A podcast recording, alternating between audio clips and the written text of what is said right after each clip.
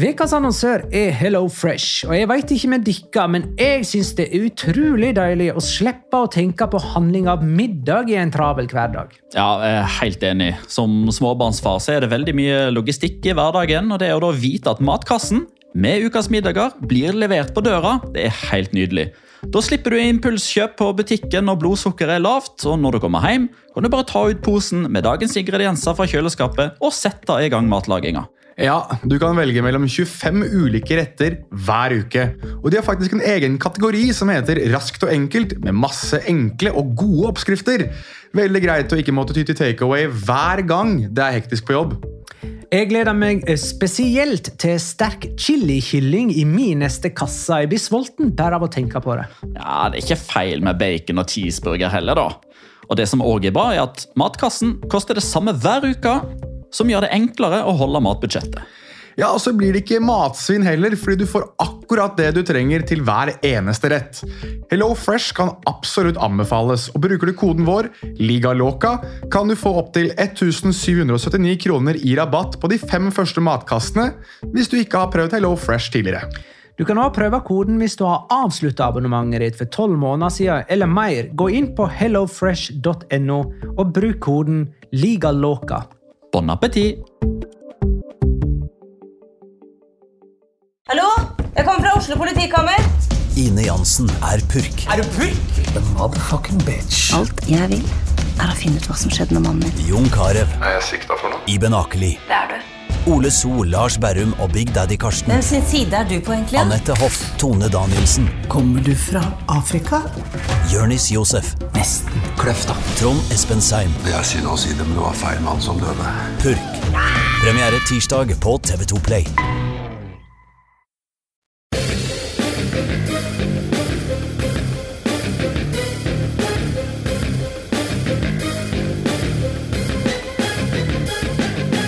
Har du sett?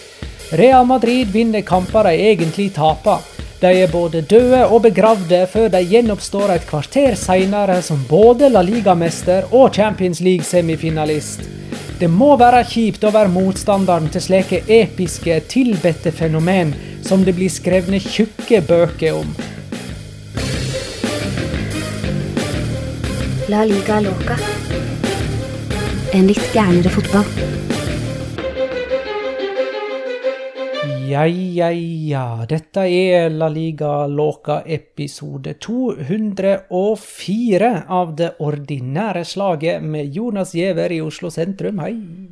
Salam aleikum. Eh, Petter Veland i Spydeberg. Hei. Hallo og god kveld. Og Magnar Kvalvik i Gamlebyen. Hei. Det er slutt på, Hei, Magna. Det er slutt på innspillinga eh, på Bjerke nå. Eh, eh, La Liga Locas podkasteventyr på Bjerke er over en gang for alle. Sånn har det blitt. Tenk at du flytta før den Er ikke det Ramstein som skal spille på Bjerke travbane, der du ville ha hatt panoramautsikt? Jo, det var allerede flere som hadde bestilt billett på min balkong til, til den julidagen der. Eh, men det utgår, dessverre. En ny eier får den luksusen. Jeg vet at eh, vedkommende ikke er så veldig stor fan av Ramstein, og egentlig ikke bryr seg noe særlig om det enorme privilegiet han har. Men er han hesteinteressert? Eh, nei. Like lite som meg, så vidt jeg har forstått. Og jeg, eh, med panoramautsikt til, til Bjerke travbane, så har ikke jeg fulgt et eneste hesteløp fra balkongen eh, der. I løpet av de ti årene jeg bodde der. Eh, nei, men eh, var det nok eh, Det var litt for mye. Det var litt for mye smalltalk til og med. Mm, får gå i gang med det som altså var runde 32, og tar kamp for kamp. Men får nesten gjøre det litt kjapt, eh, dette her, da, for det at eh, runde 32 er jo gårsdagens nyheter, og knapt nok det, for runde 33 har jo faktisk allerede begynt mens vi sitter og prater. Eh, Men runde 32 starta i alle fall med Real Sociedad Real Betis 0-0. Eh, til og med mot Betis klarer altså Real Sociedad å spille 0-0. Eh, og begge lag tapte to poeng på dette her i kampen om en Champions League-plass. Eh, Real Sociedad har holdt nullen i alle La Liga-kamper på Anoeta etter nyttår. Har ikke sluppet inn der siden 18.12. Det er sju strake heimekamper uten baklengsmål. Um, det ble rødt kort på David Silva i denne kampen, helga etter at jeg kåra han til rundens uh, spiller. Hans første utvisning på tolv år. Mens Betis på sin side de spiller Copa del Rey-finale lørdag kveld, og innen den tid så har de òg spilt mot Elche tirsdag kveld i uh, La Liga. Uh, så de har noe å henge fingrene i. Uh, skal, vil de si et ord eller to om Betis, eller? Jeg kan uh, i hvert fall si veldig kjapt at David Silva syns denne kampen her var så kjedelig at han snakket på seg rødt kort. Gadd faen ikke å spille mer, og det skjønner jeg veldig godt, for dette var ikke noen uh, morsom uh, fotballkamp, syns jeg. Det er en sånn derre påminnelse om at vi kan, vi kan, virkelig ikke ha noen ting fint, vi, for da skal Real Sociedad eller Alaves ødelegge det i løpet av sesongen. Det er blitt litt sånn nå. Eh, nå har jo David Silva også fått to kampers karantene. Det kom jo eh, en offisiell uttalelse fra det spanske fotballforbundet i dag om at han er suspendert i to kamper, eh, som er jo så utypisk David Silva som du får det. Det var det jeg ville si om den kampen her. Og så vil jeg egentlig bare ta også sjansen til å si til at hvis det er noen som har lyst til å se den Copa del Rey-finalen som du nevnte der, Magnar, sammen med likesinnede, så har eh, Ball igjen, som de gjorde i, eh, under eh, El Clásico tidligere den sesongen, åpnet sine dører for oss. Så de som ønsker å se den, den finalen på lørdag, de er hjertelig velkommen dit. For å se Valencia tape. Det er avspark klokka 10. 22.00. Hvem er det som sender kampen? Det er vel VG pluss, tror jeg, som sender den kampen. Uh, Så det um, Jeg vet at du har vært i studio til én finale, så jeg håper at jeg får se deg i studio til en annen finale òg, Magnar. Jeg var vel uh, Var det i fjor jeg var der? Atletic Barcelona. Og så husker jeg ikke hvilket årstall den finalen gjaldt for. 2021. det var 2021. Uh, Elche Mallorca 3-0. Uh, dette var en viktig kamp i nedrykksstriden, der Elche tok et langt steg vekk fra streken etter tre strake tap, og Mallorca falt under streken igjen etter å ha sleget Atletico Madrid før påske. Mojica, Bigas og et sjølmål av Kang In Li sørga altså for en komfortabel Elche-seier her. Alaves Rayo 1-0. Joselo har skåra over halvparten av Alaves sine mål og ble matchvinner igjen her. Dog med god hjelp av en sløv Rayo-keeper Dmitrijevskij, som tabba seg bra ut på den avslutningen fra 25 meter. Um, dette var Alaves sin første seier under deres endte trener for sesongen, Velasquez. Kanskje òg en av de siste under hans ledelse, vi får se. Eh, og Rayo Vallecano de er fremdeles uten seier i 2022. Um, Andoni Iraola er faktisk den første Rayo-treneren som går 13 kamper, strake kamper uten seier i La Liga. Uh, Kevin Mats uh, skriver hvor viktig blir Hoselu for forhatte Alaves, og hvem er det som plukker han opp i sommer, da Alaves endelig rykker ned? Og da har jo Mats uh, sjøl svara delvis på sitt eget spørsmål. Joselu blir tydeligvis ikke så viktig at han klarer å holde Alaves oppe. Så hvem er det han spiller for til neste sesong? Ja, det var veldig mye rykter nå i, i, januar, og for så vidt i sommeren i fjor òg. Da var det jo nesten streike, streikevirksomhet oppe i Vitoria på Joselo, som allerede forrige sesong viste hvor viktig han var for de. Eh, og da var det jo Sevilla som var veldig ute etter han da for å eh, for å ha en type som på sett og vis ligner litt på Luke de Jong, men som på, har veldig mange andre strenger å spille på òg. Eh, altså Luke de Jong mer ekstrem i det å være en bokstype og stange inn mål. Med hodet så skårer Joselo overraskende mange av målene sine med venstrefoten, deriblant i dag, eller på på lørdag, når jeg riktignok fikk hjelp fra Ståle Dmitrijevskij. Eh, det var jo han som ble intervjua av Movistar etter kampen der.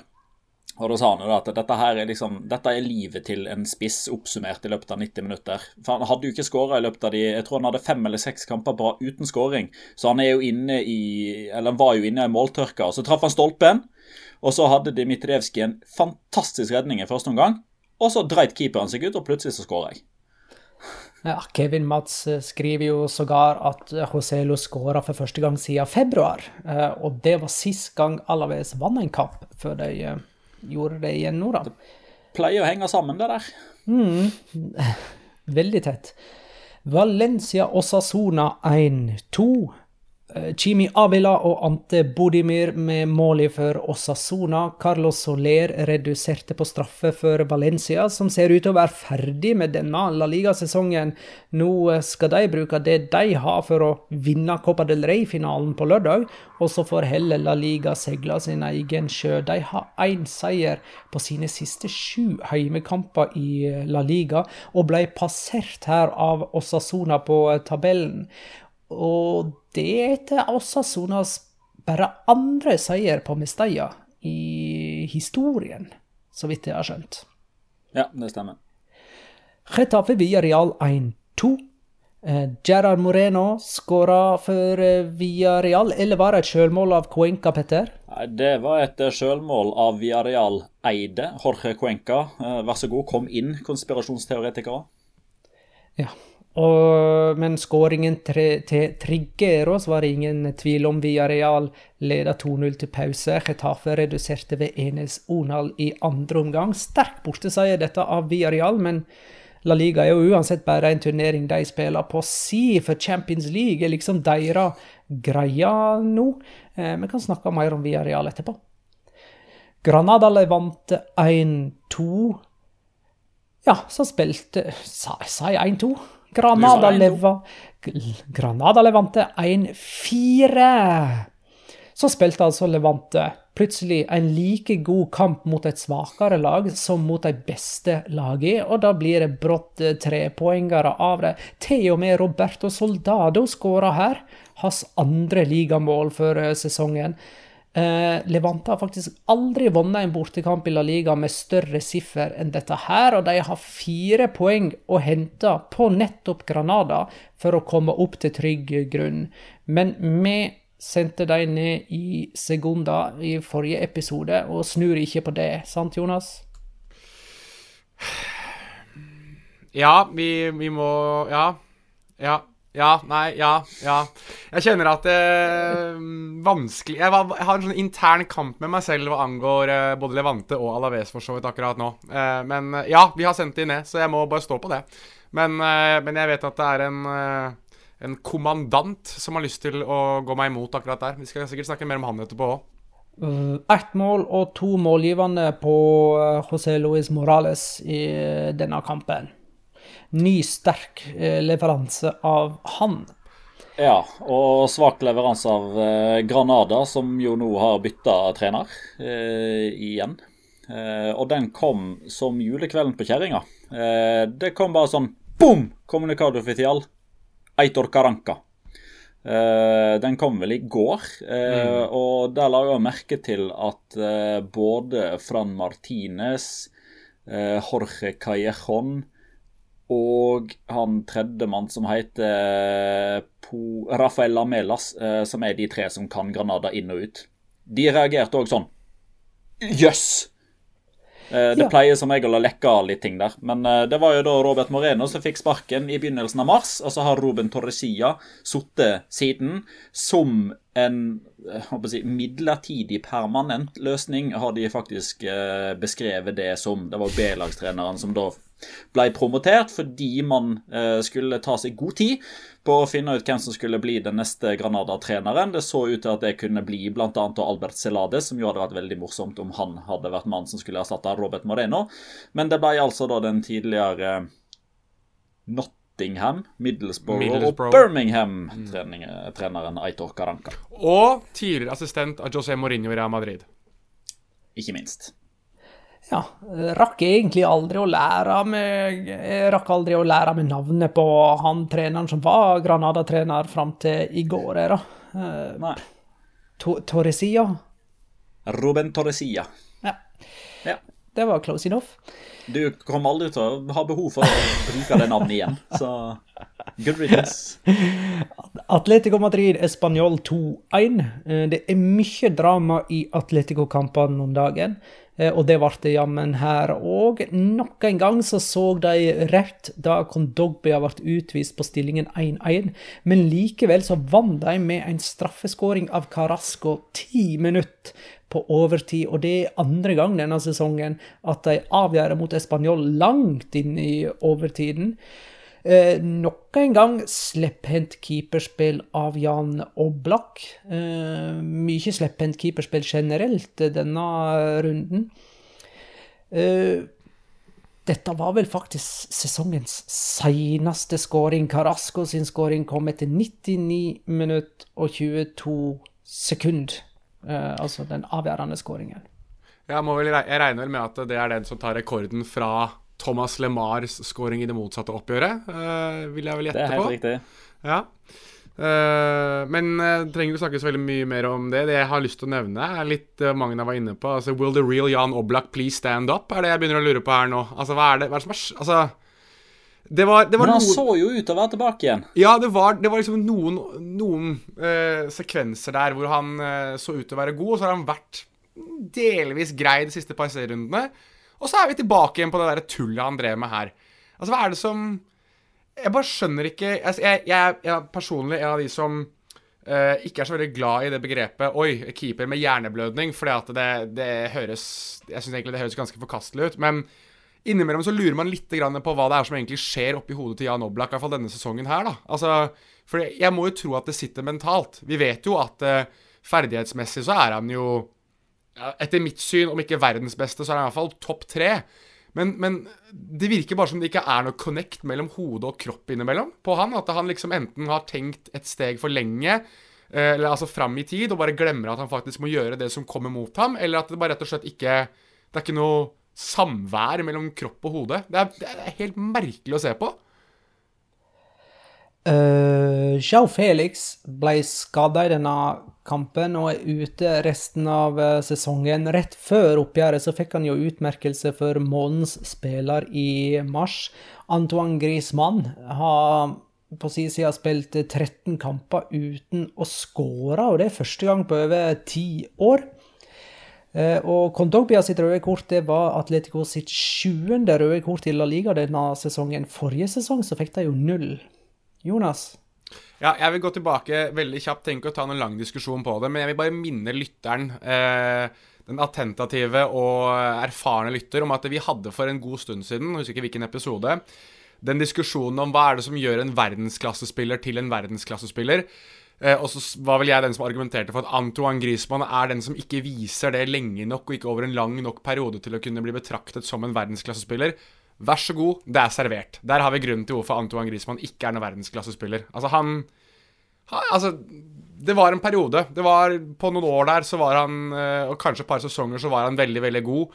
Men dette vedvarer ikke. Og det var ikke vedvart i Barcelona, det vedvarer ikke i Atletico Madrid. Så jeg, jeg er litt sånn Jeg har gitt opp Antoine Griezmann, jeg.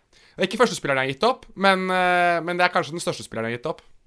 Så Joao Felix ble skada, som, som, sagt. Det ble jo òg Thomas LeMar. Eh, Kondogbia, Kondogbia eh, ble utvist. Eh, Felipe pådro seg vel òg karantene. Eh, Hector oh, Herrera og José Maria Jiménez er òg skada fra før av.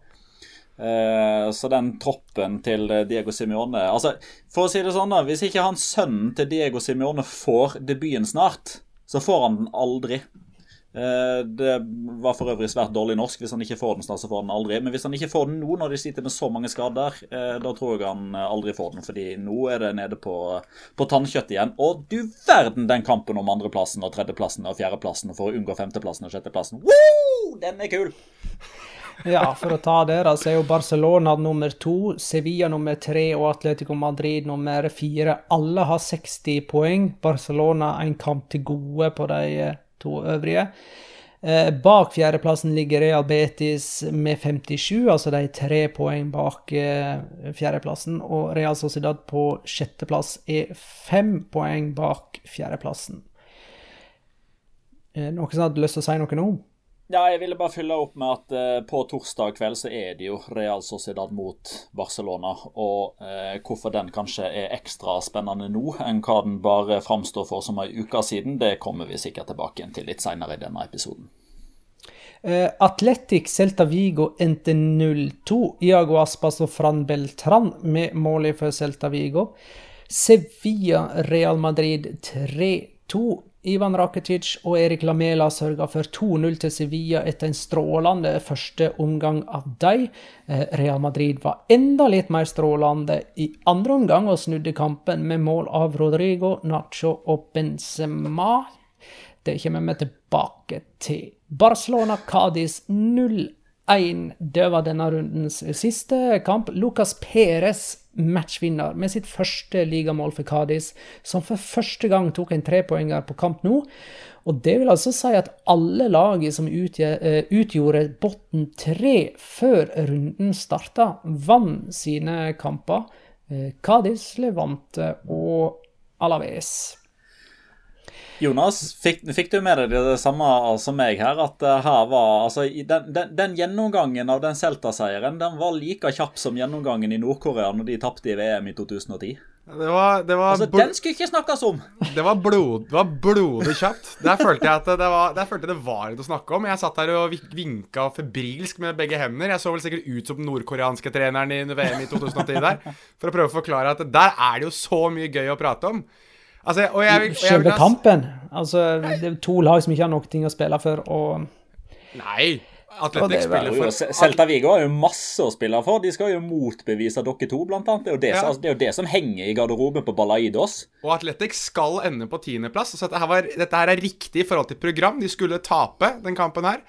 Uh, så det må vi bare altså, legge ved. Serierunde 32 var helt perfekt, for Valencia tapte jo òg. Altså, de, de, de, begynner liksom å stille seg inn på, på sikte på hvor de skal havne. Men det jeg vil si og er, Jeg trenger ikke å si så veldig mye mer enn det, men jeg vil bare legge ved. Uh, dette her er min bold prediction. Uh, bare sånn for å ha tatt det. VM-troppen til 2022, Louis Henrique. Jeg caller det nå. Fram Beltran er på det flyet. Det er okay. bold prediction, men jeg caller det nå. Fram Beltran ja. er på det flyet. Ja, jeg, jeg er litt usikker. Jeg, jeg, jeg, tipper han nøyer seg med å se det på TV. altså Jeg tror ikke han er en sånn fyr som driver reiser for å se disse kampene fra tribunen. Nei, han er ikke på, er ikke på det. Han er, han er, på Louis Enriques fly ned til Han er en av de det, Enten det er 23 eller 26, så er han i hvert fall tatt ut i den troppen. Tror, ja. jeg tror han blir en joker i den troppen. For nå, nå er han god. Nå er han virkelig god. Hvis dette hadde vært en, en live-episode som hadde blitt spilt av i discorden vår Dette sier jeg med kjærlighet, Lars. Lars hadde påpekt at nei, Fran Beltran er ikke katalansk, og han har ikke fortid i Barcelona, så han blir ikke tatt med av Luis Henrique. Nei, men Luis Henrique har trent Celta, og derfor så kommer han med. Hei! Eh, la oss begynne. Nå er vi ferdig med eh, runde 32 kamp for kamp. Eh, la oss snakke litt om Barcelona, som altså tapte for eh, Cádiz etter at de tapte for Eintracht Frankfurt i Europaligaen og er ute av Europa. Eh, Barcelona hadde sju seire på rad i La Liga. De hadde 15 uten tap. Men nå har deres nedtur eller motgang under Xavi starta, eller Petter? Ja, det, det har det. Uh, jeg vil bare trekke fra, altså Vi, vi, vi trekker fram El Chiringuito i sånn cirka annenhver episode i snitt nå. Uh, dette er vel episode er det 202 eller 203. Vi har nevnt det over 100 ganger. 204. 204, okay. 204. Da har vi nevnt det ca. 102 ganger. Dette blir 103 gang, for jeg syns dette var veldig morsomt. Uh, de har jo en uh, tertuliano, altså en deltaker, som heter Juanma Rodriguez. Dæven, jeg lo når han gjorde følgende. Han kom altså inn i studio. altså De, de sitter på et uh, altså de, de, har jo et, et startfelt som starter med fire-fem stykker. Eh, programleder inkludert tre-fire andre, og så kommer det flere og flere inn etter hvert, etter hvert som de skifter tema osv. Når de kommer inn da på, på Barcelona og La Chavineta osv., så, videre, så kommer altså Juan Rodriguez inn i studio.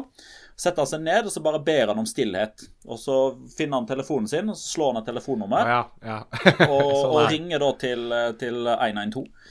Uh, og gir altså da beskjed om at det har vært et motorhavari. Uh, han er svært bekymra. De må komme og hjelpe. Uh, det, det, er liksom det er, en, det er et transportmiddel som står fast på motorveien. det står Chavineta på den. det kommer masse røyk. De klarer rett og slett ikke å komme seg av gårde. Vær så snill, dra og hjelp dem. Dra og hjelp dem. Sånn er Chavineta nå. Er, er, er nummer 112 til politiet i Spania òg, sånn som i Norge? Han sa uno uno dos. Så jeg vil anta det. Fantastisk. Ja, ja. Ah. Eh, et universelt nummer. Men bare husk Men- 0034 112 hvis du skal til den spanske, da. Men eh, det der er jo en falsk, et falskt nødanrop. Det kan jo ikke være lov. Det er okay. ganske sikker på at det var staged. Men det var fortsatt morsomt. Okay, ja, ok. Ja. Greit. Eh, nei, men eh, da tapte altså Barcelona mot eh, Cádiz. Det var jo ikke helt ufortjent heller. Altså, jeg mener at Cádiz vant. De hadde ganske store sjanser i tillegg til målet sitt. Selvfølgelig så sto Ledesma en kanonkamp i, i målet til Barcelona, men Cádiz var nå helt med, liksom, spillemessig. Ja, altså, jeg, jeg syns Cádiz var, eh, var enormt gode. Jeg syns de Altså, de, de, de litt sånn Sergio-ish, da. Altså, han, han er, det En ting han er god på, som jeg husker spesielt eh, i tiden hans som Valladolid-trener òg, var at han er ekstremt god på uh, å være kompakt i forsvaret. Problemet hans var jo det at han ikke hadde noen særlige angrepsspillere, enten det var Marcos André eller Sean Weissmann, for de som husker han, som prøvde å få, uh, få det angrepet til Valladolid til å fungere. Men, men her så De har litt flaks på scoringen, og så er det ekstremt dårlig forsvarsspill, egentlig, av ja, Vil du ta Erik Garcia eller vil du ta Clamon Anglais? Det kan man selv bestemme, egentlig. Men, men, eh, men jeg syns at de er ekstremt dårlige på å hjelpe Ter Stegen når han faktisk varter opp med et par eh, elegante redninger der. Eh, men, men jeg syns at, syns at Cádiz kommer med en kampplan. De tør å, å gå for det tidlig i den andre omgangen. Det virket som om det var noe som kanskje lå litt latent her. At i løpet av de første ti i andre omgang så skal de virkelig pushe Barcelona bakover og prøve å, å snatche med seg en scoring, og det klarte de. Um, kan ta dette spørsmålet fra Even Ekra. Jeg var akkurat og så Barcelona Cádiz, og mange av supporterne møtte ikke til kamp av protest for det som skjedde mot Eintracht Frankfurt. Eh, Men var det klubbens skyld? Eh, Jeg har lest at sesongkortholdere solgte billettene sine. Hva tror dere? Det som altså skjedde mot Eintracht Frankfurt på Camp Nou, var at 30 000 Frankfurt-supportere var inne på stadion og gjorde Camp Nou til sin egen heimebane. Okay, hva var det som skjedde? Veit vi noe mer av det, Petter?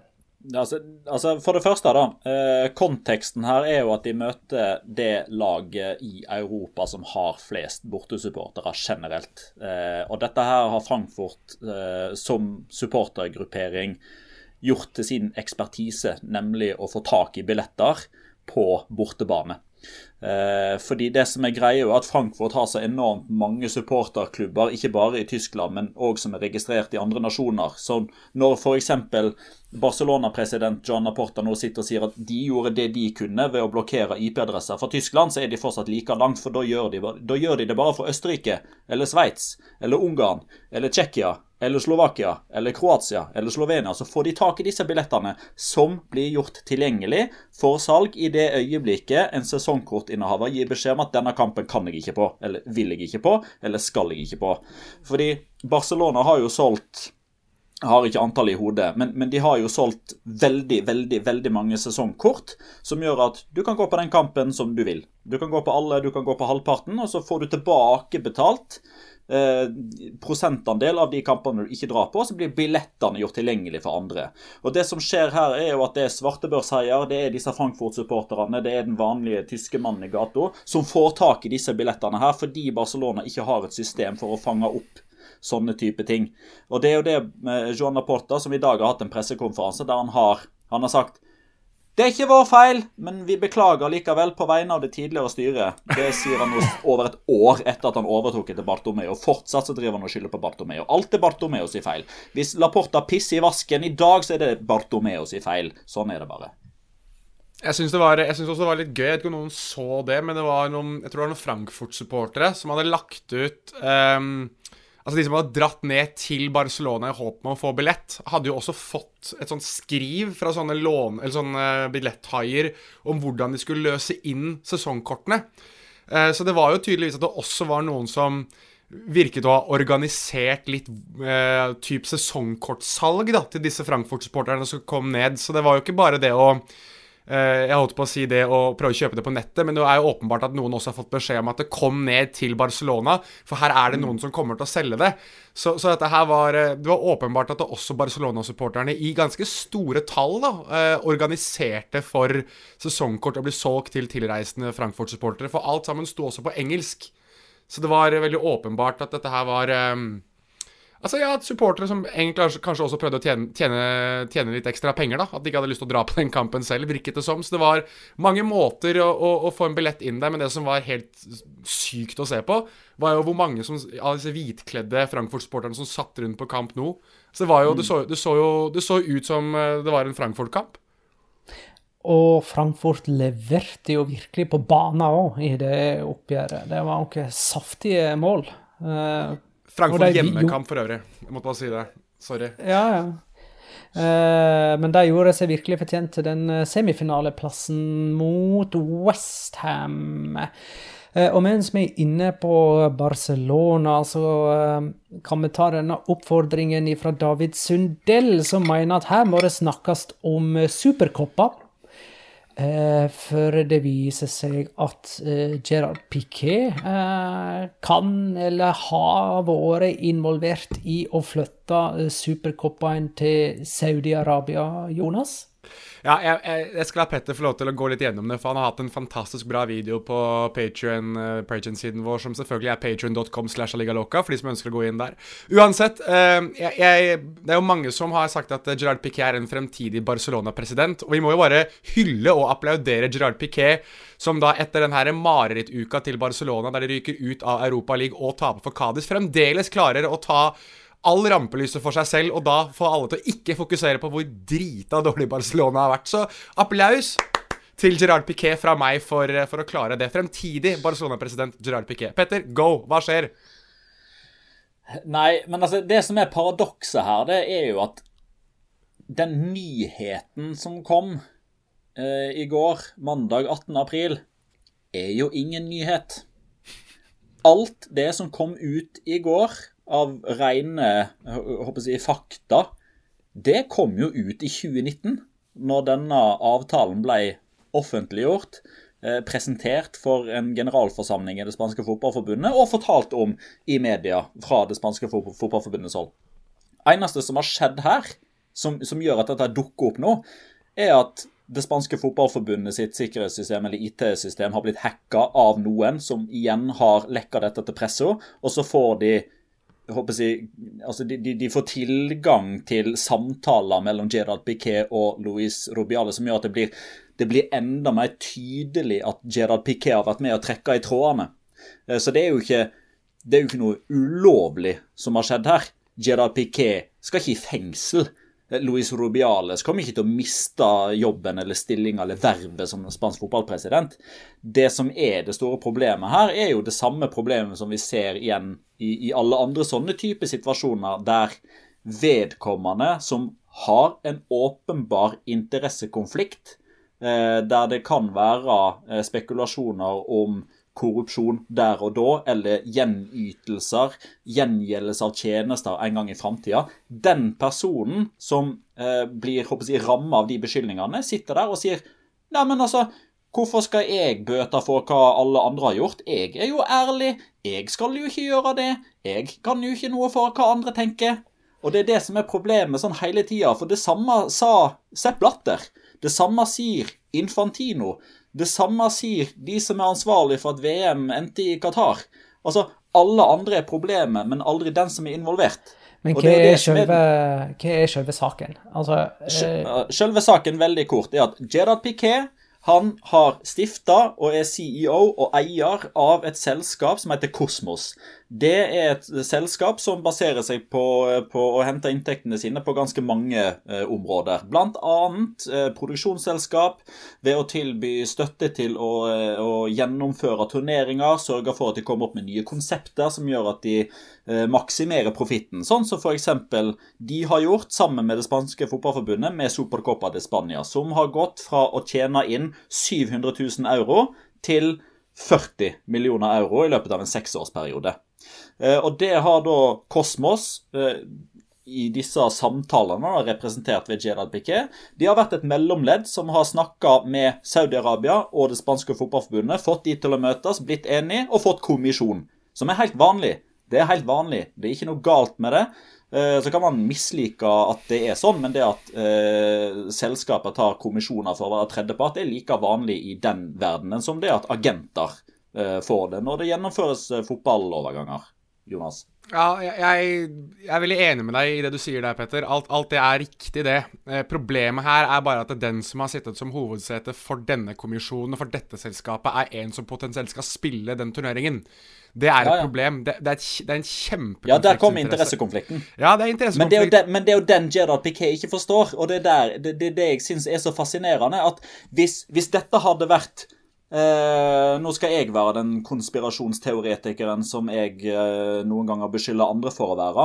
Hvis det hadde vært Sergio Ramos som hadde gjort dette i 2019 og spilt Supercopa de Spania for Real Madrid i Saudi-Arabia og fått kommisjon for å ha fått turneringa dit, Vær du sikker på at Gerard Piquet Da hadde han sett interessekonflikten. For da gjelder det ikke han. Ja, er du gæren? Jeg er helt enig med deg i det. Altså, og jeg syns det var veldig Det var litt sånn småbisarret, men samtidig veldig gøy å se at den som tok Gerard Piquet på det i denne her pressekonferansen han hadde i går kveld, det var Mr. Chip. Av alle. Han satt og på en måte forklarte at du, det er greit det at eh, dere som jobber i Kosmos, at dere skal uh, tilrettelegge for turneringer, at Davis Cup har vært veldig bra, men, men altså det er en million andre ting du kan gjøre. Her må du jo se at det er interessekonflikt. Altså, Du må jo selv forstå det.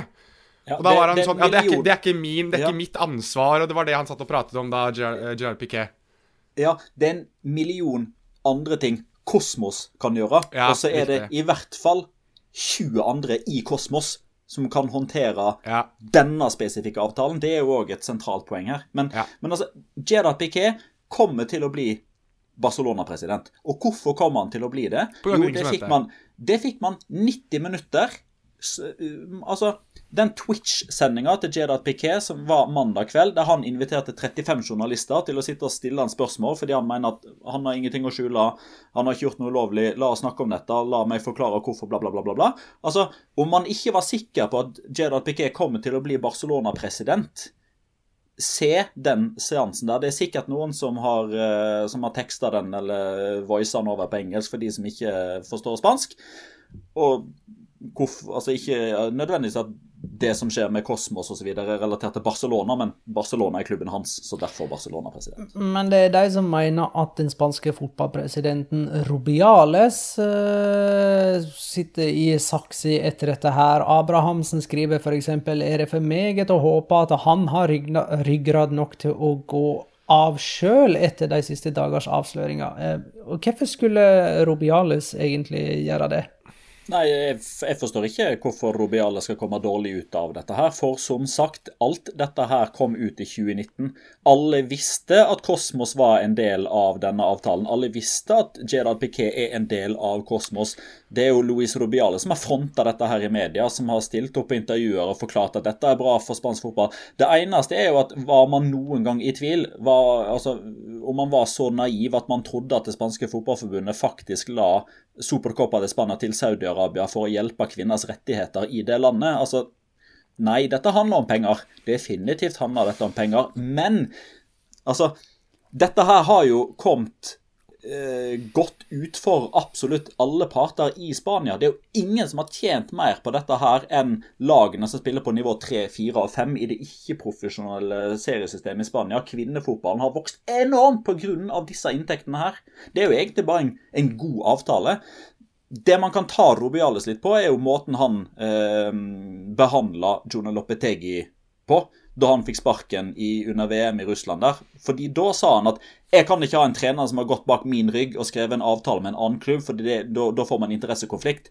Hvordan kan jeg vite at han ikke favoriserer Real Madrid-spillerne våre i dette mesterskapet? Og så sitter jo han og gjør det samme, der han har en Barcelona-spiller, en aktiv deltakende part i hans turnering. Der ligger det jo en sånn åpenbar Det, kom om, da. Ja, det er, to ting her da som eh, jeg må si meg litt uenig i. Det ene som du sier, Petter, er at dette er en veldig god avtale. Økonomisk, ja. Og så er det sportens integritet, og så er det cupens integritet, som man må også ta med litt i, i regnestykket her. Og det er veldig mange som argumenterer for det at eh, selv om det kommer penger inn, og det er kjempeviktig, så har man også fjernet cupen fra Spania. Altså den er blitt flyttet til en annen nasjon, og til en nasjon som man har av veldig gode årsaker veldig lite til overs for. Eh, Saudi-Arabia er ikke en nasjon som veldig mange europeere, tror jeg, ønsker egentlig å være Eller bli, bli, satt sammen med, og spesielt ikke spanjoler. Det har vi sett ved flere anledninger. at uh, Vi hadde jo Raúl Garcia som selv snakket om ved, ved siste korsvei at dette her er ikke en turnering som burde blitt spilt der, men skal spilles i Spania. Det er den ene. Og den andre, som jeg så at det ble spekulert litt i, var om det at eh, Rubiales også begynner å snakke om det som kalles Los Otros, altså de andre klubbene utenom Real Madrid og Barcelona, at han åpenbart viser at han vekter noen klubber over andre klubber, kan gjøre at han mister jobben, fordi at han da åpenbart viser at han, eh, han heller mot, da, eller at han, han, favoriserer noen klubber over noen andre. Jeg mener at det er veldig Det ville vært veldig eh, Veldig lite å miste jobben for. Fordi det er jo noe som er veldig åpenbart, og noe vi alle vet om. Men det at fotballpresidenten innrømmer det, det er det ganske mange som sitter og sliter litt med akkurat nå, er det jeg har fått inntrykk av. Det får være nok Piquet, Kosmos, Rubiales og Saudi-Arabia. En siste, en siste, bare så folk vet om Kosmos og andre ting de har gjort. Uh, det var jo de som lagde Antoa Antoine Griezmann sin dokumentar, eller Decision. Det er jo Kosmos som har gjort også, bare for at folk har et rammeverk for hvem disse er. Det får være nok Piquet, Kosmos, Robiales og Saudi-Arabia. La oss snakke om Sevilla Real Madrid, som altså endte 2-3 på Ramón Sánchez eh, Pijuan. Peter Losvik lurer på om dette var sesongens beste kamp. Den hadde vel stort sett alt man ønsker i en fotballkamp.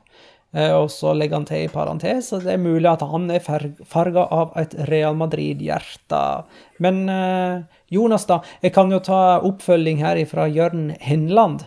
Eh, la Jonas snakke om Real Madrid og Dr. Jekyll and Mr. Hyde fra første til andre omgang, osv.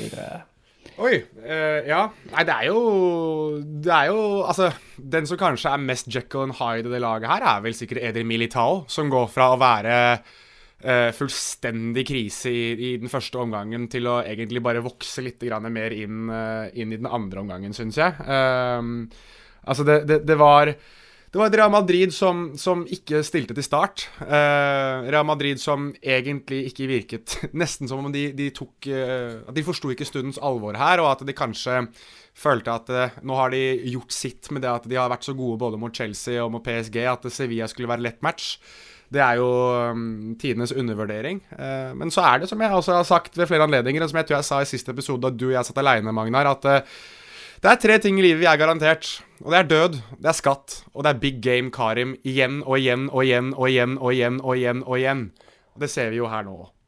Duellene Sevilla-Real Madrid er de som har gitt flest mål i La Liga siden årtusenskiftet, med jeg tror det er 173 skåringer. Kan man si det sånn i denne kampen at Real Madrid bytta seg sterkere, mens Sevilla bytta seg svakere? Ja, det syns jeg er et, eh, et, godt poeng. Eh, Monchi var òg veldig opptatt eh, av det. Der skåra Vedat Morici, forresten, så nå er Jonas eh, glad. Eh, han påpekte det at eh, det, det, den kampen her var på mange måter en litt sånn miniatyrutgave av hele sesongen, og svaret på hvorfor de sliter, er det samme. Det er vanskelig å liksom å få komme ordentlig i gang og komme inn i rytmen når Martial ryker etter 40 og Papo Gomez må ut i pausen, og det til stadighet er endringer som må gjøres. Eh, og det er klart Akunya holdt ikke mer enn en, en time.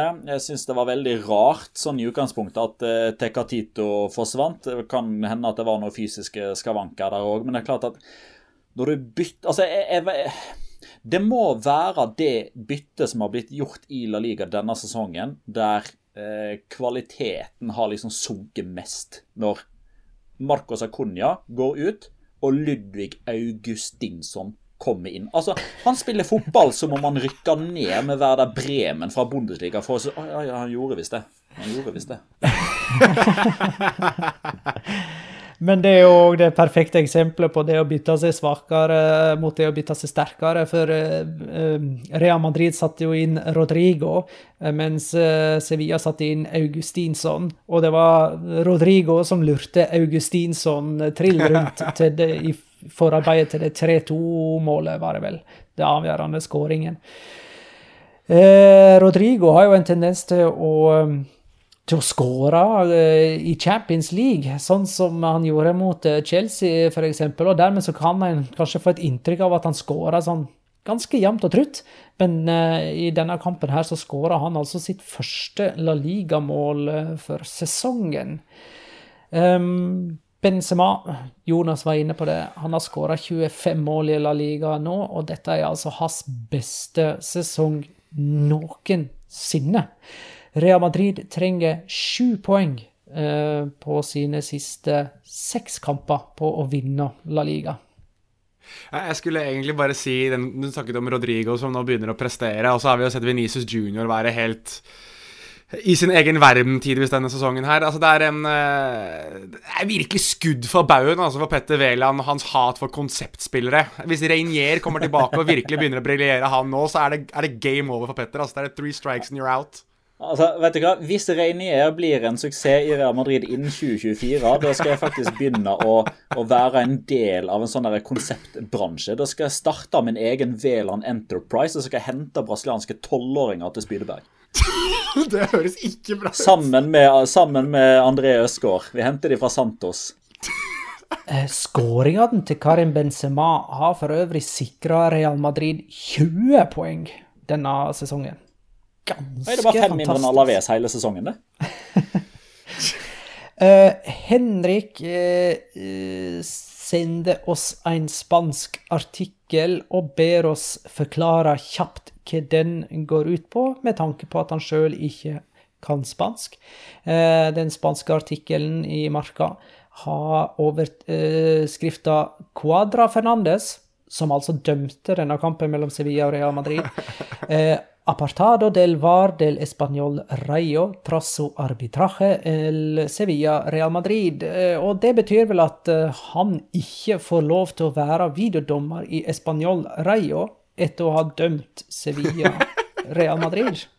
Det er helt riktig, og her har de òg eh, Jeg vet ikke om Marca har brukt akkurat det uttrykket, men her kunne de ha brukt et av mine favorittuttrykk på spansk. Cuadra Fernandes a la nevera rett i kjøleskapet. Uh, han kunne f.eks. ha gitt Kamavinga sitt andre gule kort allerede i første omgang her, og ingen forstår vel helt hvorfor han ikke gjorde det. Uh, han annullerte målet til Venicius for hens, uh, selv om han fikk anledning til å se situasjonen sånn ca. ti ja. ganger på den skjermen ved sidelinja der, ja, den, og den sto syk, på altså. beslutningen. Altså. Han er helt sjuk. Det er, det er, noe av det sjukeste jeg har sett. Altså, for det, han har så mange vinkler der. Og på alle vinklene så er det ikke hens. Nei da! Det er hens, det! Skal bare ta det. Altså, det, det er ikke, det er ikke sjans i Altså, nå har vi snakket om hvor er det hensen starter, hvor er det det slutter. Er det skulder, eller er det arm? Og på alle vinklene han får, så er det veldig tydelig at det er for høyt opp på skulder slash bryst til at det kan blåses for hands. Hei da! Hei da! Skal blåses for hands der. Frispark utover. Men uh, rett i kjøleskapet på han, da, med andre ord.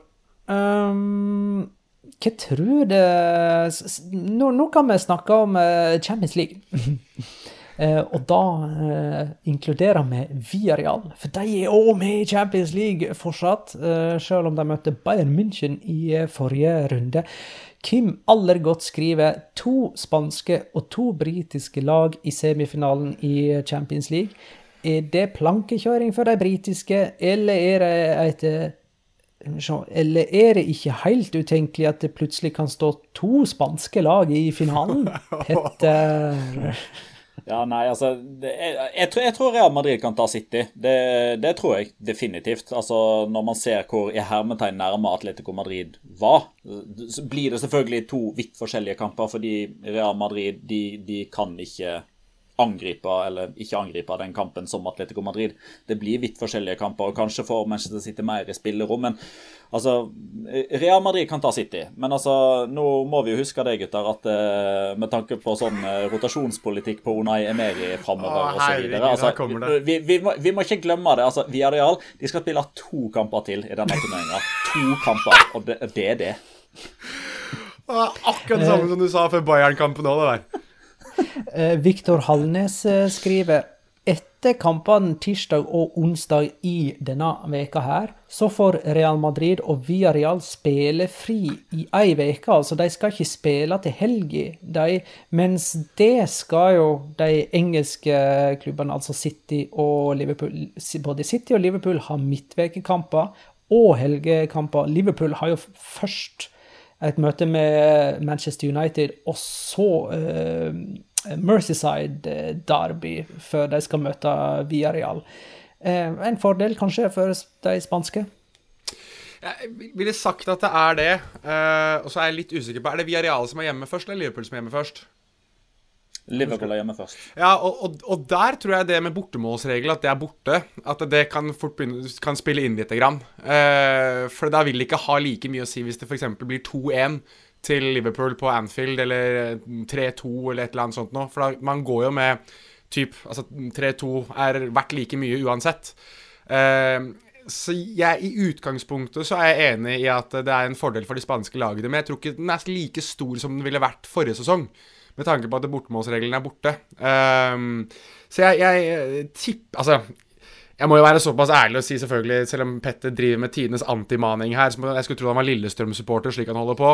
Men, eh, men, jeg er jo enig i at det, det er, blir nok to kamper til for, for uh, Villarreal. Men jeg tror det fort hadde blitt tettere uh, hvis bortemålsregelen hadde vært in play nå enn uh, en det er i dagens, i dagens turnering. Samtidig så er jeg veldig nysgjerrig på å se hvor mye Liverpool legger i potten eh, i Premier League kontra i Champions League. Det syns jeg eh, er, er, ganske spennende. Og så er, er det verdt å ta med da, at Liverpool møter jo et Manchester United som er litt here, there and everywhere. Og så møter de et Everton som, som kriger mot nedrykk. Så det er jo litt sånn, Man vet jo ikke helt hva de får av disse to lagene de møter, heller. Eh, kontra da Villarreal som skal møte eh, først altså Valencia, som strengt tatt mest sannsynlig kommer til å spille med et B-lag. For jeg regner med at eh, de sparer alt de kan til cupfinale, og så får de litt fri. Så da er det sånn sett så er det, er det en fordel for dem. Og, og for Real Madrid sin del så ja, det er, det er den klamme hånda til Jacopo Arrazate som de skal besøke, holdt jeg på å si. Men, men, men samtidig så har de nesten eh, å bare moonwalke inn det seriegullet. Så det er ikke sånn at de nødvendigvis trenger å stresse så altfor mye med akkurat den kampen. Så, så sånn kampoppsettsmessig så vil jeg si at de, begge de spanske lagene har en kjempefordel over de engelske. Men, men, la meg bare få nevne, da, sånn at det ikke, noe, sånn at det ikke hersker noe usikkerhet rundt der. Altså, det, det spanske fotballforbundet har ikke latt Real Madrid og Villarreal få fri denne helga fordi de spiller Champions League-semifinale neste uke. Det kunne høres litt sånn ut, men altså det spilles ikke La Liga til helga fordi det er spansk cupfinale, og der spiller Valencia og Betis, og kun de. Sist gang Villarreal spilte Champions League-semifinale, var i 2006. Da bomma Rikelme på et avgjørende straffespark, og siden så så vi aldri igjen fyren. Hvilken klubblegende er det som skal grave hodet i sanden denne gangen, da, Petter? Nei, det blir jo Dani Parejo, det. Dani Parejo. Har vi blitt enige om hvor mange som bor i den ultravesle byen eh, Villareal? uh, sist jeg sjekka, så var det vel 212, tror jeg. Det bor ingen der! 52 000, og alle bor i samme blokk. Før sesongen, eh, eller før iallfall tidlig i Champions League-sesongen, så tippa dere at Sevilla var det spanske laget som kom til å komme lengst i Champions League, og det var jo et dristig tips. Men dere kunne altså ha vært enda dristigere. Tenk på det, da. Det, det, du ikke vet, var at vi sa ikke Sevilla. Vi sa Sevilla Real Madrid, var det vi egentlig sa. Prøver å snakke dere ut av den der igjen. Men akkurat den spådommen der, den sier kanskje en del om hvilke forventninger vi hadde generelt til spanske lag denne Champions League-sesongen. Det var egentlig ikke høye forventninger, det vi hadde. Så Nei, det er jo ja. Ja, ja, absolutt. Eh, altså, med tanke på hvor man sto, med tanke på at man fortsatt lever ganske tidlig i en uh, post-Messi-æra, og man fortsatt er litt i etterdønningene av post-Cristiano, pengeflyt som går nordover osv., så, videre, så vil jeg si at det er veldig bra. Jeg, sånn, veldig bra spansk innsats å ha to lag i semifinalen. Det er to mer enn Frankrike, det er to mer enn Tyskland, det er to mer enn Italia. Det er like mange som eh, den desiderte rikeste, og av mange ansett som òg den beste ligaen. Vi skal kåre rundens spiller i en runde som eh, er godt tilbakelagt, ettersom neste runde allerede er i gang. Men eh, vi glemmer ikke runde 32 så lett. Eh, nummer tre av eh, Våre nominasjoner er min og heter Jannik Carasco, som bare spilte én omgang eh, for Atletico Madrid som erstatter for Jao Felix, men skåra likevel to mål, og var så å si et angrep alene for Atletico, som virkelig trengte en slik spiller, eh, spesielt etter at de ble redusert til ti mann. Og ikke bare skåra Carasco målet, men han skapte òg de sjansene som Atletico hadde i kampen. Så nummer tre, altså Janni Carasco. Nummer to ble vi enige om at det var din mann, Jonas. Det var min mann. Det var eh, kommandante José Luis Morales som eh, Altså, jeg må jo først og fremst si, da Det er veldig hyggelig at Levante skjønner det at bare la han ta straffene. Ikke begynne å så kuk rundt noe mer med det enn det de eh, Sånn som de gjorde mot Barcelona. Det var riktignok kun én straffe her, men, men, det var den straffen han fikk ta. Eh, han er et angrep alene, altså. Han er virkelig helt insane når han kommer på kanten og får lov til å løpe eh, mot forsvarere. Her var det én scoring og to målgivende.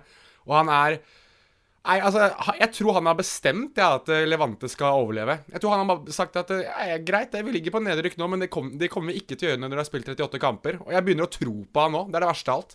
Uh, så nei, uh, dette er vel tredje serierunden på rad, tror jeg, der jeg har Kommandante Morales som min runden spiller. Jeg er ganske sikker på at vi kommer til å få fjerde, femte, sjette og sjuende også. Og førsteplassen, eh, det er jo Den kom seint, men den kom veldig godt. Bidrag fra vår supermann i buret for Kadis, Konan Ledesma. Så der sto han rett og slett som en sånn tegneseriehelt, altså. Jeg skulle nesten trodd at det var der han hadde fått uh, navnet sitt fra. Han var barbarisk uh, god mellom stengene. Han er jo faktisk da den eneste keeperen på veldig veldig lenge. Jeg lurer på om det var 2002-2003-sesongene så Mr. Chip uh, antyda. Første keeperen som da holder nullen både på Santiago Bernabeu og Camp Nou denne sesongen. Og han har ikke vært arbeidsledig i løpet av de to kampene. Lurer på om det var 17 redninger han hadde til sammen i de to. Åtte mot Barcelona i går. Uh, så uh, Lucas Pedersen fikk jo spørsmål om, uh, om hvor viktig Conan Ledesma var for den seieren i går. Og da sa han vi kan ikke snakke om enkeltspillere, for dette vant vi som lag. Ja, det er riktig, det Lucas Perez, men dere faen ikke vunnet den kampen hadde det ikke vært for han. Da er det tid for Locora! Ukens La Liga Locura. Locura. Locura. Locura. La Liga Locura kanskje en litt sånn halvhjerta Locora-utblåsning av meg der, av hensyn til mine nye naboer. nei, nei, nei. Har du begynt sånn? Har du begynt å ta hensyn? Eh, jeg vil gjøre et godt førsteinntrykk. Eh, men så kan det hende at det øker i styrke etter hvert som jeg blir varm i trøya i gamlebyen. Eh, ja, hvem er det som vil være først ut med Locora? Petter, jeg kan godt uh, Ja, jeg kan, jeg kan, være først ute, siden jeg er ganske sein med Eller det er en ganske sånn sein uh, Locora. Fordi uh, du var jo inne på det, Magna, for så vidt du og Jonas. Uh, disse overtidsskåringene i kampene mellom uh, Spanjol og Atletico Madrid. Der først Thomas LeMar ble matchvinner langt, langt, langt langt ut i tilleggstida i Barcelona. Og så ble Janni Carasco det denne gangen enda litt seinere. Og en av årsakene til at de har fått muligheten til å bli så sene matchvinnere, er jo nettopp det at det har blitt lagt til så enormt mye fotball. Det er faktisk spilt så mye fotball mellom Atletico Madrid og Español denne sesongen at man faktisk har spilt ekstraomganger. De to kampene mellom disse to lagene har vart i til sammen 207 minutter og 40 sekunder. 207 minutter og 40 sekunder. Jeg gjentar to, 207 minutter og 40 sekunder. Uh, ja, skal jeg ta neste, da? Uh, min lokora den går rett og slett til Eintracht Frankfurt-supporterne, som altså nådde ca. 30 000 uh, i antall inne på kamp nå under torsdagens Europaliga-kvartfinale. Um, og én ting er at de var så mange som klarte å lure seg inn eh, på kamp nå. Men en helt annen er jo at de klarer å skape en så voldsom eh, stemning på vegne av sitt eget lag. For en ting, er altså De er 30 000, ja det er bra det, men de er jo likevel i et vesentlig mindretall. Eh, og likevel så overdøver de jo Barcelona-fansen fullstendig, og får det altså til å virke som Eintracht Frankfurt spiller hjemme. Dette dette engasjerte Frankfurt-publikummet burde jo egentlig ha mana Barcelona-fansen til, til kamp eh, om lydnivået på kamp nå, men de ble jo apatiske og boikotta nærmest andre omgang ved å holde seg helt eh, vekke. Eh, og vi har opplevd 80 000 tilskuere på kamp nå der det nesten har vært helt stille. Eh, og så kommer altså 30 000 Frankfurt-supportere og lager den stemningen. Eh, altså, respekt. Mm. Eh, Jonas? Ja, den, den, gjengse lytter vil ha merke til at uh, da vi gikk gjennom Valencia og Sassona, så sa jeg egentlig ingenting. Og det er uh, litt fordi jeg så ikke så veldig mye av den kampen her. Det gadd jeg rett og slett ikke. Uh, og så hadde jeg middag jeg skulle i. Men jeg fikk sett deler av første omgang, og Palermo har hatt veldig fine rosa drakter. Juventus har hatt veldig fine rosa drakter. Skotske landslaget hadde i sin tid veldig fine rosa drakter. Leicester har hatt ganske fine rosa drakter. Det derre grelle faenskapet som Osasona klarte å ta på seg til den bortekampen her, det er noe av det jævligste jeg har sett i hele mitt liv. Altså, hvordan er det mulig? Det er, ikke, det er ikke bare rosa, men det er rosa og rødt sammen. Og det er ikke litt sånn fin sånn lyserosa. Nei, det er knæsj fuckings rosa, ass. Det er noe av det mest grusomme jeg har sett et lag ta på seg noen gang. Og jeg har sett mye dritdårlige drakter i La, Liga. Jeg klarer ikke engang å si det, jeg er så sint. Altså, Hvordan er det mulig å ta på seg noe sånt? Altså, Om ikke Osasona kunne bli svettere. Jeg blir bare svett bare jeg tenker på Ante Bodimir løpe rundt i det derre makkverket av en fotballdrakt. Terningkast null. Takk for meg. Det går ikke an, eh, Jonas. Det, Nei, det går, ikke an. uh, vi skal tippe. Uh, forrige kamp vi tippa på, var Sevilla-Real Madrid, som endte 2-3, med Rakitic som førstemålsskårer. Jeg hadde 1-2 med Rafa Mir som førstemålsskårer. Jonas hadde 1-3 med Benzema som førstemålsskårer. Og Petter hadde 0-2 med Venicius som første målskårer. Så alle får ett poeng for å ha Real Madrid-seier her. Til sammen har jeg da 30. Jonas og Petter har 21 poeng. Og neste kamp vi skal tippe på, er Copa del Rey-finalen mellom Real Betis og Valencia lørdag kveld klokka 22. Der forstår jeg det som at Betis er satt opp som heimelag. Kampen går jo dessuten i Sevilla på La Cartuja. Eh, så Betis heimelag, ja. Jeg sier 2-1 til Real Betis med Borja Iglesias som første målskårer. Jonas? Uh, ja. Jeg må vel uh, Det her er vel uh, der jeg må kanskje gå for at det blir 0-0. Garantert! Petter? 3-1 Canales. 3-1 Canales. Hæ? Eh, ingen av dere tror Det er ingen av dere som tror at La Bordaleta skal ta dette, hæ? Vent dere nå. 0-0.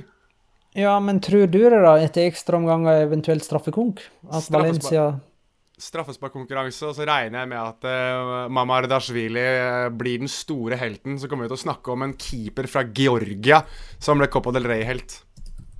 Cupgull til um, Valencia der, altså, tror Jonas. Cupgull til Real Betis tror jeg og Petter. Og, og bare for å ha sagt det, for de som ønsker å se den kampen, som jeg nevnte innledningsvis, for de som vil se den, så skal vi se den sammen potensielt på ball i, eh, i Oslo. For de som ønsker det. Det er bare å komme. Jeg har fått booka hovedrommet. Så der er det bare å, å dukke opp og nyte når eh, La Bordaleta cruiser inn til uh, cupgull. Hvis eh, Jonas får rett i det, da, så vil det i så tilfelle være den første straffesparkkonkurransen i Copa del Rey-finalen siden 1998. Barcelona mot Mallorca. Det siste, hvem som skåra det siste straffesparket, lurer du på? Jeg trenger ikke lure på det. Det var jo selvfølgelig Michael Reisiger. Hvem andre enn han kunne det ha vært?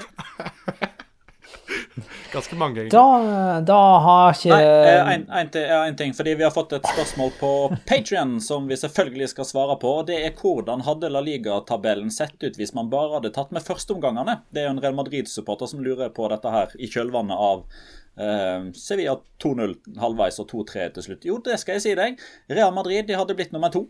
Og vet du hvem som hadde vunnet La Liga hvis vi kun hadde spilt førsteomganger? Real Sociedad, kanskje? Uh, du er inne på noe, i form av at Real er riktig. Betis. Betis? Real Betis hadde blitt seriemester, og Levante hadde vært nummer 11. Fantastisk. Sånn, nå er ikke mer. Nei. Da sier vi takk for nå. Takk for at du lytta, kjære lytter. Ha det, da.